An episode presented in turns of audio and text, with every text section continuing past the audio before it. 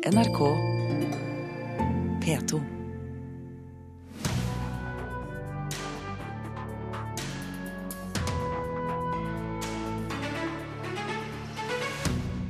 Bare 20% av musikksalget i Norge kommer fra norsk musikk.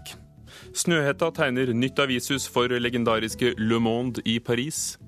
Nordmenn i Hollywood roser regissør Morten Tyldum etter åtte Oscar-nominasjoner. Kjente forfattere og popmusikere går sammen for å lage lydboksingler. Lyrikken er ikke død, konstaterer Kjartan Fløgstad. I Kulturnytt i Nyhetsmorgen i NRK, der også Fredagspanelet er klar til dyst. Bare en femtedel av inntektene fra musikksalg i Norge kommer fra norske artister. Det viser nye tall fra plateselskapenes organisasjon IFPI, som blir lagt frem i dag. Bransjen oppretter nå et eget råd for å bli mer profesjonell. Nå har vi jo Emilie Nicolas der. Marit Larsen. Todd Terje kom jo da i fjor eh, også. Utrolig kult. Veldig catchy elektronika. På platekompaniet på Oslo City plukker Mia Granlund noen av fjorårets mest populære norske artister fram fra hylla. Det er mye fokus på norsk musikk. Og, og nye debutanter som kommer med CD-er, får så mye PR og mye buzz. Sånn som Emilie Nicolas, som eh, vi har solgt veldig godt av.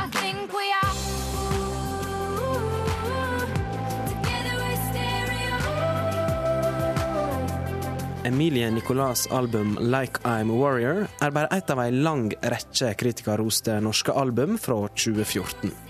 Likevel er tala sin tale klare, Nei, nå har vi en norskandel på 21% av det totale salget. sier Marte Thorsby i plateselskapets forening IFPI.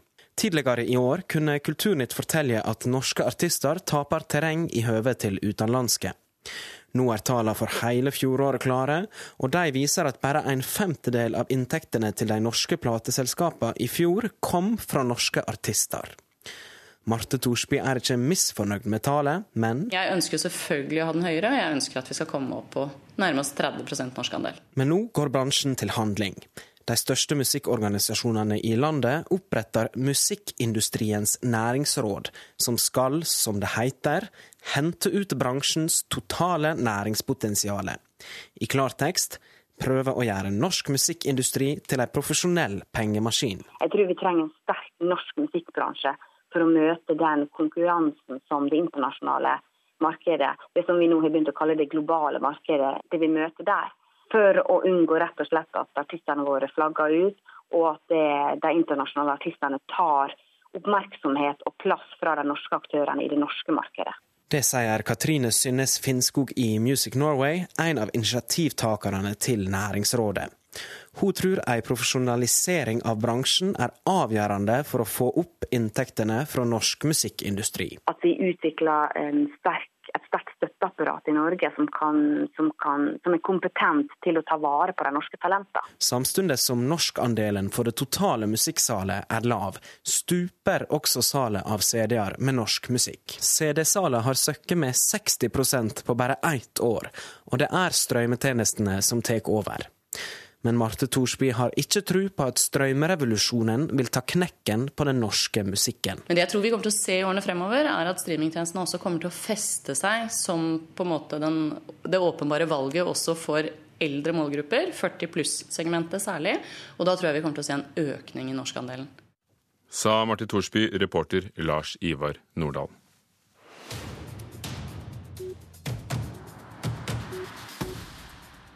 Snøhetta skal tegne nytt avishus for den franske avisen Le Monde, som har vært en referanse og en del av det franske kulturelle høyborgen siden etter krigen, da det ble opprettet, og har nå 300 000 i opplag. Kjetil Tredal Thorsen, arkitekt og gründer av Snøhetta. Hva var bestillingen i konkurransen? Bestillingen var å lage et nytt hus for eh, mediehus for Le Monde, som eh, skal kunne tilpasse seg dagens situasjon, og som skal samtidig eh, se framover. Dette ligger da like ved scenen, ved jernbanestasjonen Gare d'Austerlitz. Hvordan eh, har dere gjort det? Vi har brukt bygget som egentlig var delt opp, eller tomta som var gitt, var delt opp eh, i to. Vi brukte en bro til å forbinde disse to tomtedelene og lage et mediehus ut av det, samtidig som vi åpna dette ekstremt mye for publikum. som jo var en av de overraskende tingene i gjennomgangen med, med Le Monde. Og særlig sett i lys av den siste ukens hendelser i Paris, hvor mediehus eh, tydeligvis er terrormål. Hvordan håndterer dere dette? Nei, Det er jo det viktigste nå, det er å ta et standpunkt. Både for mediehuset og andre. Det som er viktig for samfunnet, er å bruke alle verktøy som det egentlig har. Så å være veldig tydelig på de verdiene som ligger i bunn for ytringsfrihet og pressefrihet. Og Det betyr til sjuende og sist at arkitekturen må reflektere den holdningen. Arkitekturen er et glitrende verktøy i de fleste samfunnsspørsmål til å kunne ta et veldig tydelig ståsted og standpunkt i forhold til hvordan en ser at egne verdier skal komme fram. For på bildet så ser vi jo da folk, eh, tilsynelatende publikum, sitte mellom de to husene like ved inngangen. Eh, For det må jo balanseres mot sikkerhetsspørsmålet? Ja, Sikkerhetsspørsmålet er alltid et tema, men eh, tilgjengelighet er viktigere enn å mure seg inne. Og den, plat- de plattformene som, som media nå bruker for å nå ut, de krever òg en viss intimitet eh, i relasjon til publikum. Så hvem, hvordan skal du sile et publikum uh, på forhånd? Det er nesten umulighet. Og jeg syns det er et modig standpunkt av Le Monde å gå ut og si at vi velger generøsitet og åpenhet og tilgjengelighet som modell. Hvordan ser det ut, huset? Det er et eh, relativt eh, heftig hus, vil jeg nok si, sånn formmessig. Eh, Det har sider av seg som er eksperimentelle, både når det gjelder arbeidsplasshåndtering, men òg når det gjelder form i Paris. Men samtidig ligger det noe genetisk parisisk i det. Ja, og hva er det? Det ser organisk ut, dekket Ja, av det har- Men det har noen lange, slake buer, og så har det en slags uh, pikselmatrikkelfasade, som vi kaller det for, som er en slags um, etterlevning etter 60-tallet, hvor du støper overflaten på glasset i forskjellige former, og så utgjør det de store panelene, sånn at det blir tredimensjonal uh, glassoverflate. Dere var i konkurranse med noen andre av verdens mest kjente arkitektkontor. Nederlandske Rem Koolhaas, eh, britiske David Chipperfield, Renzo Piano, som tegnet Astrup Fearnley-museet i Oslo, og japanske Shigeru Ban. Hva tror du det var dere hadde som eh, gjorde at Le Monde falt for Snøhetta? Generøsitet. Det tror jeg er, er grunnlaget for dette. Åpenhet og publikumstilgjengelighet. Og nå er det sånn at Berger, som jo er en av eierne i Le Monde, og har vært operasjef i Paris, Det er altså Pierre Berger, som var styreformann og, i Yves Saint Laurent og, og livsledsager til moteskaperen. Det er riktig. Og han var i mange år president for operaen i Paris. Eh, Og han har jo sett og vært på leit etter modeller som inkluderer kommende generasjoner. Han har vært veldig veldig opptatt av eh, ungdom, neste generasjon, i, i forholdet til kultur, men òg i forhold til presse og pressetilgjengelighet, ikke minst. Du møtte ham nylig. Hva, hva sa han om huset dere skal bygge sammen? Han syns, det var, uh, han syns nok det var spesielt, uh, men han er jo vant med spesielle ting. Sånn at uh, det kommer nok ikke som noen overraskelse. Samtidig så har det en litt sånn, i hvert fall i rendringene sånn som de ser ut nå, litt dystopisk tilnærming i uttrykket. Eh, Det er jo bare et bilde, en rendring. Det kommer jo ikke nødvendigvis til å se sånn ut, men det var noe vi hadde lyst til å uttrykke i denne sammenhengen. Takk, Kjetil Tredal Thorsen fra Snøhestad, som skal bygge hus for Le Monde i Paris. Litteraturen trenger nye måter å nå publikum på, sier forfatter Kjartan Fløgstad. Mandag er han med og lanserer Ferdigsnakka. Der går flere av landets kjente forfattere og popmusikere sammen for å lage lydboksingler. Og en av dem er altså resultatet av samarbeidet mellom Fløgstad og frontmannen i bandet Team Me. Kjærleiken vår var et høyt stillas. Jeg trodde på siste bud, men plattformen under oss gikk i knas. Og Det er jo mange som har spådd lyrikkens undergang og død. Men altså, i, i realiteten så er det slik at eh, det har aldri vært brukt mer lyrikk og framført mer lyrikk enn i dag. Med musikk av ulikt slag. Det kan være en fin inngang. Skal vi se. Ferdig om? Jeg har vært på så mange litteraturkvelder og kjeda meg. Kjedsomheten fikk tidligere musiker Synne Øverland Knutsen til å sette i gang med konseptet Ferdigsnakka. Lydboksingla der forfattere har lest tekst, akkompagnert av popmusikk og elektronika. 30. august. Gikk på internettkafé for å google meg sjøl. Dagbok av forfatter Agnes Ravatn og Tord Øverland Knutsen fra bandet Wombats er første singel som slippes på mandag. Etter det kommer det ut én singel i uka fram til juli. Redaktøren håper å treffe et ungt publikum som fra før liker å ha podkast og lignende på øret. Og eh, åpne opp litteraturen den veien mot eh, unge folk som hører på musikk, og som, hører på, som kan høre liksom favorittmusikerne sine lydlegge, sånn som Kjartan Fløgstad eller Per Peterson. Du kan sitte på bussen eh, på vei til jobb og høre en femminutters singel? singel. Jeg er jo i den situasjonen at jeg ser på de som sitter på bussen med, med hodetelefoner og lurer på hva i all verden. Jeg har tusen tårer hver enda år. Kjartan Fløgstad er ikke noe tilhenger av å høre på ting på bussen, men skal man først gjøre det, kan man like godt høre på lyrikk, mener veteranen. Han merker for tida en endring i forlagsbransjen med inntoget av digitale løsninger, og tror litteraturen trenger nye publiseringsverktøy. Det er oppbruddstid i, i forlagsbransjen. Så ja, her er vi kanskje med på en måte å mm, bryte ut på. En mann som foreleser om russisk formalisme, mens han gir deg vaginalmassasje. Det er gjort spede forsøk før på å blande musikk og litteratur, men eh, det har, eh, ikke som jeg vet, blitt gjort med i popmusikken. Jeg tror at poesien kan leve godt sammen med popmusikk. Den kan leve sammen med rock. Og jeg ser virkelig en framtid for lyrikken i den retning. Ingen har elsket deg ømmere enn jeg. Konseptet Ferdigsnakka utfordrer forfatterne til å formidle sine tekster på en spennende måte, noe de allerede er blitt bedre på, ifølge Fløgstad. Rett og slett fordi at det er så mange festivaler, og så mange scener, og så mange kulturhus og litteraturhus og samfunnshus som ber om eh, forfatterinnslag. Så det er, ja, jeg skal ikke si at det går an å leve av å opptre sånn, altså, men det, det er et ganske stort felt, faktisk. Nå står jeg her igjen. Livets korthet. Reporter Torkil Thorsvik. Det betyr selvfølgelig enormt mye, hva jeg er med. Så det betyr også veldig mye personlig. Dette er, er andre regissører som har nominert meg, og det, det, er, det er fantastisk.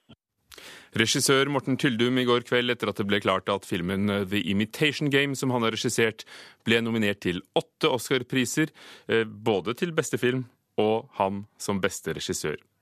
Reporter Merete Gamst i Los Angeles, hva sier det norske filmmiljøet i Hollywood til eh, gårsdagens Oscar-nominasjoner? Nordmenn her i Hollywood er selvfølgelig kjempebegeistra og stolte. Og det er helt eh, tydelig at de unner Morten Tyldum eh, suksessen som han eh, nå har. Og de sier at i tillegg til å være en dyktig regissør og være veldig hardtarbeidende, så, så skryter de veldig av han som person. Så de beskriver han som en god og ydmyk mann. Og jeg snakka bl.a. med Harald Svart tidligere, så vi kan høre hva han har å si.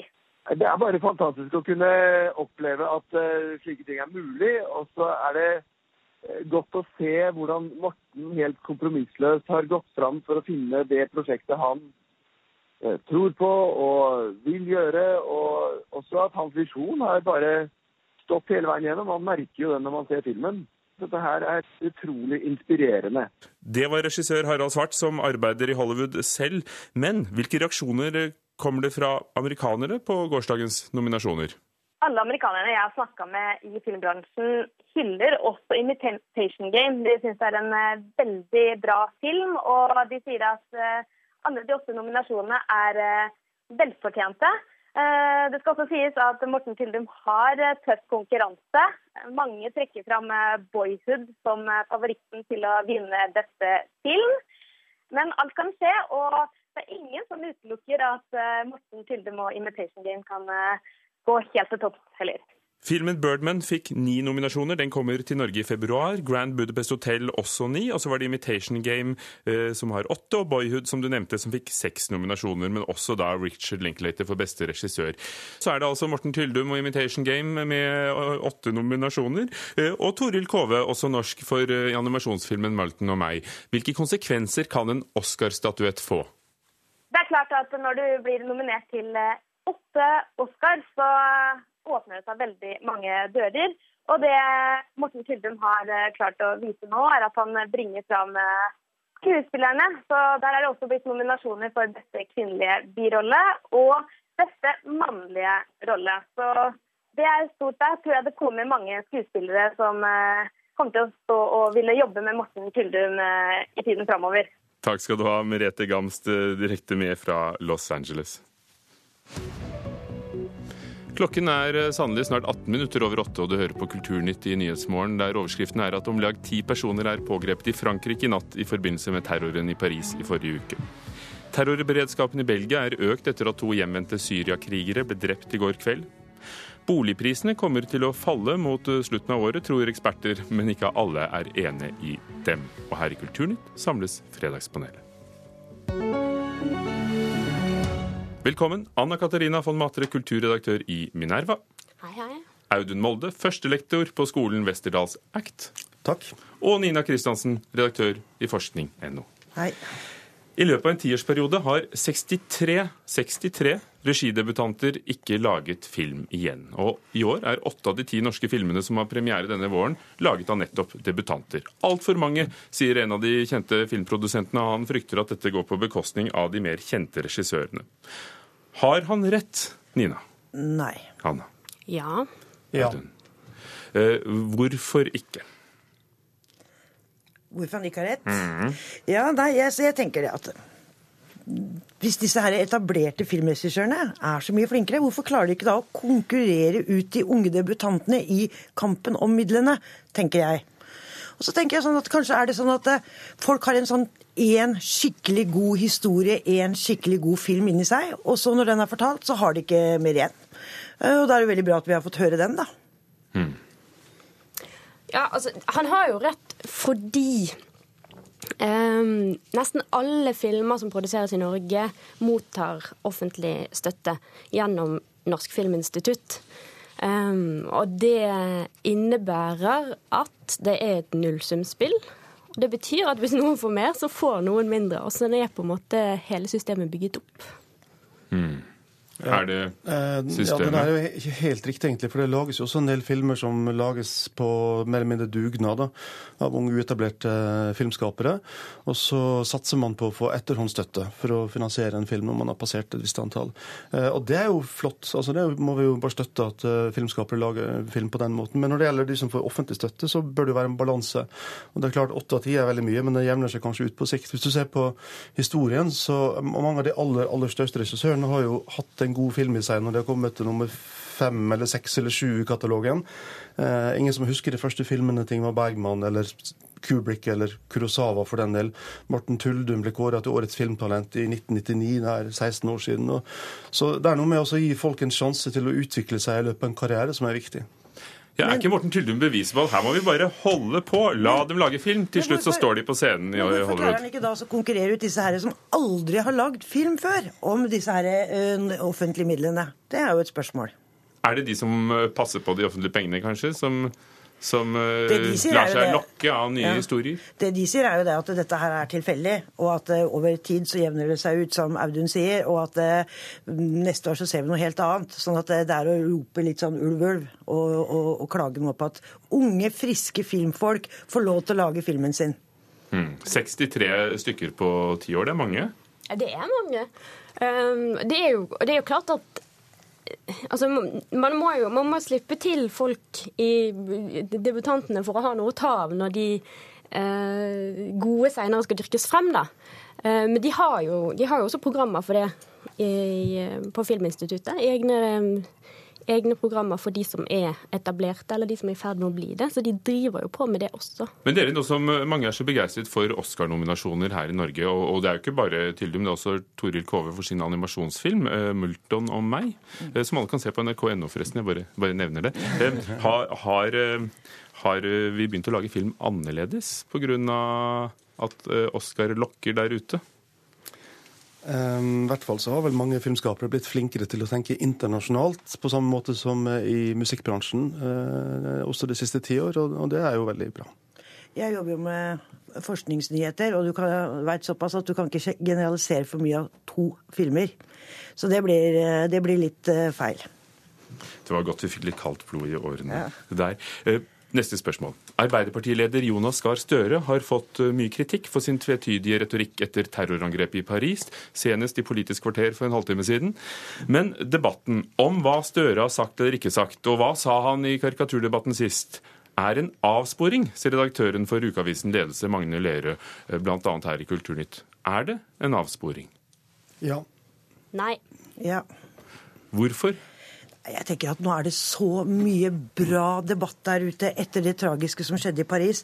Folk diskuterer ytringsfrihet, pressefrihet, religionskritikk. Hvor skal grensene gå?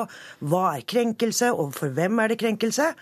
Og så havner vi her i en sånn debatt om, mellom to politikere, hvor han ene har sagt én uklar setning, kanskje noe intellektuelt som blei til grøt, og så er det liksom der vi skal stå, istedenfor å konsentrere oss det som virkelig er viktig. da. Det blir for smått. Men det er jo tross alt lederen for Norges største parti det er snakk om. Så det han mener er i utgangspunktet veldig interessant. Eh, og problemet er at eh, han befinner seg jo midt i det som er kjernen av debatten. Altså midt i smørøyet, men han vil helst gå rundt grøten. Um, Nei, han har brukt så mange radiominutter på å si at han ikke er Altså at han er absolutt for ytringsfriheten. Det var én setning inni noe svært. Etterpå så har han sagt alle de riktige tinga. Etterpå har, har Støre eh, moderert seg, det er riktig. Ikke moderert seg, oppklart. Ja, oppklart.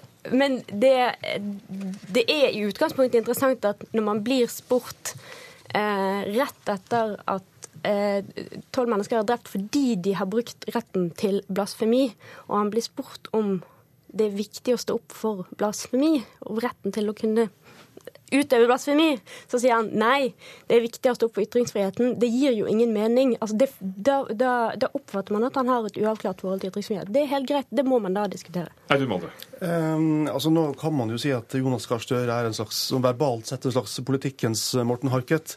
Kan av og til være vanskelig å skjønne helt hvor han vil hen, men hvis du hører etter og følger med en stund, så skjønner man det. Og Jeg hørte ham nå for noen minutter siden uh, her på P2, jeg syns han var helt hindrende klar, helt krystallklar.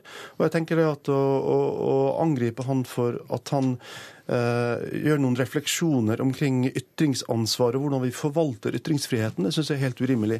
Men kan det være at han er blitt klar fordi folk har nettopp tatt ham på ordet og, presset ham litt? Nei, han er et tenkende, reflekterende menneske som de fleste av oss. Og, og den typen for refleksjon kommer sjelden fram i, i intervjuer som er aktuelt, hvor du skal levere punchlines og korte populistiske svar.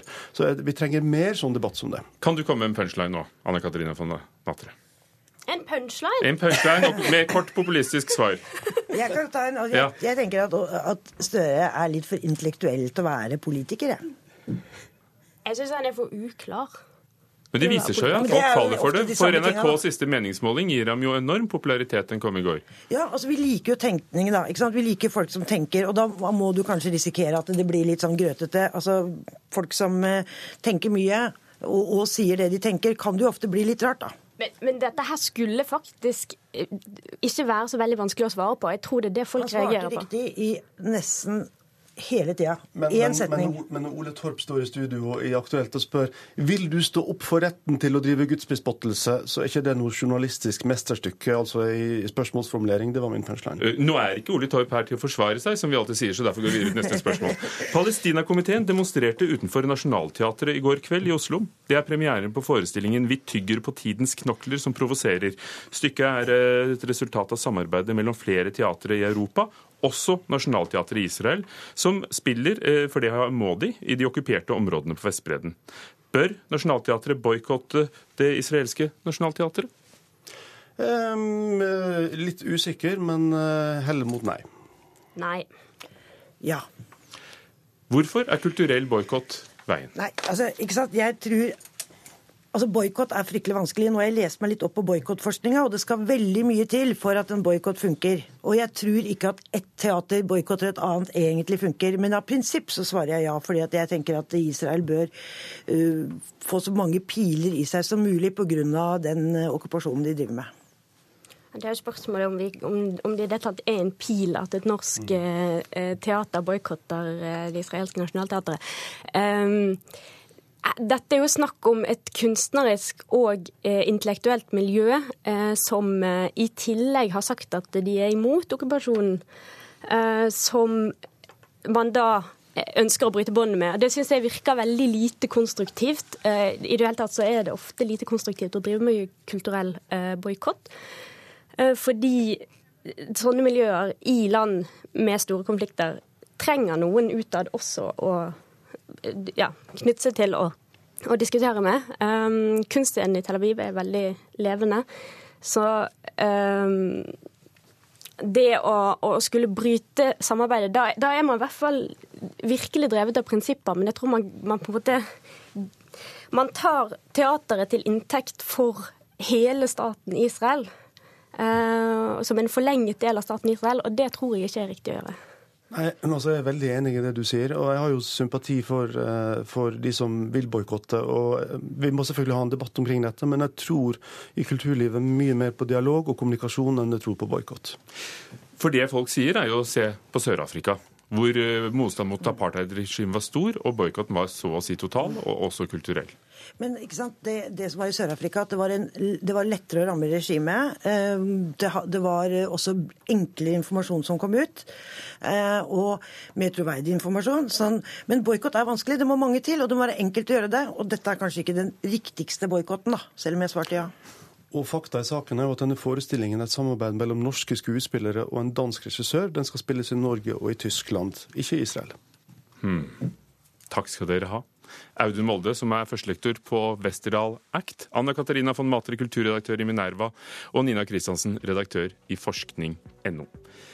I Kulturnytt så har vi hørt at bare en femtedel av musikken som selges i Norge, er norsk. Men det vil bransjen gjøre noe med. De vil lage en profesjonell pengemaskin, sier de selv. Thomas Alverstein Ove var produsent, Marianne Myrhol teknisk ansvarlig, Ugo Fermarello programleder. Hvis du var i tvil, dette er Nyhetsmorgen i NRK P2 og Alltid nyheter. Klokken er straks halv ni. Først noen ord om hva som skjer siden i P2. Hør flere podkaster på nrk.no podkast.